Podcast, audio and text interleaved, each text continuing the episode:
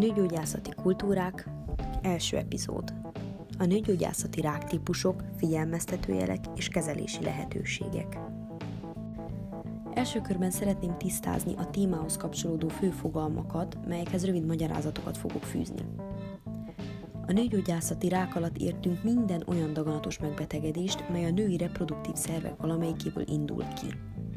Egyes források a merrákot is ebbe a kategóriába sorolják, azonban az egészségügyi világszervezet legutóbbi 2019-es besorolása alapján a merrákot és a nőgyógyászati daganatokat külön tárgyalja, több helyen is ugyanez a kategorizáció jelenik meg. A nőgyógyászati daganatos megbetegedéseknek több típusát határolhatjuk el egymástól. Megkülönböztetjük a ményak, a petefészek, a mély, a hüvely, a szeméremtest, valamint a nagyon ritkán előforduló, de létező petevezetékrákot.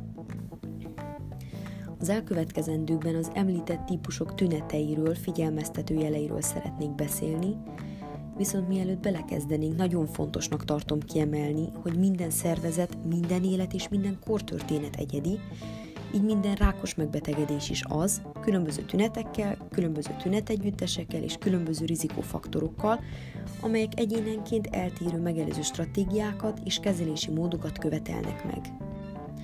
Emiatt tanácsos beiktatni életünkbe a megfelelő tájékozódást és a rendszeres rákszűrést is, és szokatlan változások esetében mindenképp forduljunk a megfelelő szakemberhez vagy szakemberekhez.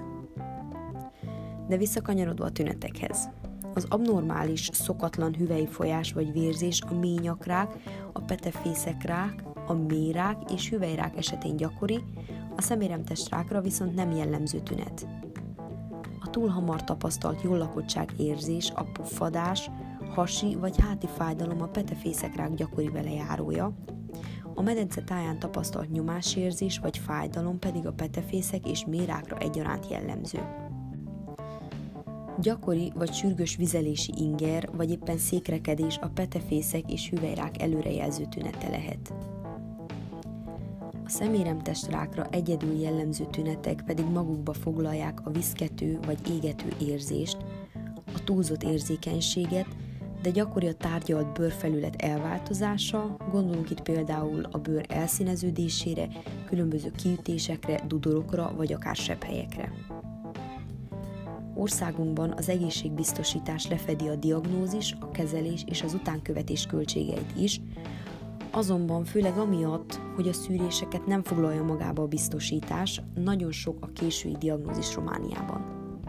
Mindezek ellenére pozitívum, hogy a gyógyszerek ára visszatérítendő összeg, viszont a genetikai tesztelés, mely elősegíthetné az egyéni, specifikus célzott terápiák alkalmazását, a százalékos visszafizetés ellenére is sokak számára sajnos nem megengedhető. Az országban jelenleg két onkológiai intézet található, egy Bukarestben és egy Kolozsváron. Ezeken a helyeken van lehetőség a daganat műtéti úton való eltávolítására, sugárterápiára, mely magas dózisú sugárzást alkalmaz a tumor összezsugorításához, ennek alacsony intenzitású változata használatos a röntgenfelvételeknél. A sugárterápia hatékonysága a célzott sejtek DNS-ének roncsolásában, majd a sejt pusztulásában nyilvánul meg.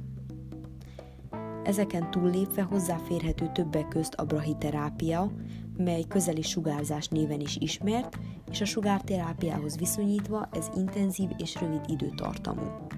Valamint a kemoterápia, ez egy gyógyszeres kezelési forma, mely több úton jutatható a szervezetbe az, hogy egyénenként épp melyik kezelési mód, esetleg kiegészítő vagy alternatív gyógymód, akár ezek kombinációja a javasolt, az csak is kizárólag egy szakember tudja eldönteni, figyelembe véve elsősorban a rák típusát és stádiumát, és a lehetséges mellékhatásokról is tájékoztatni tudja az érintett szemét.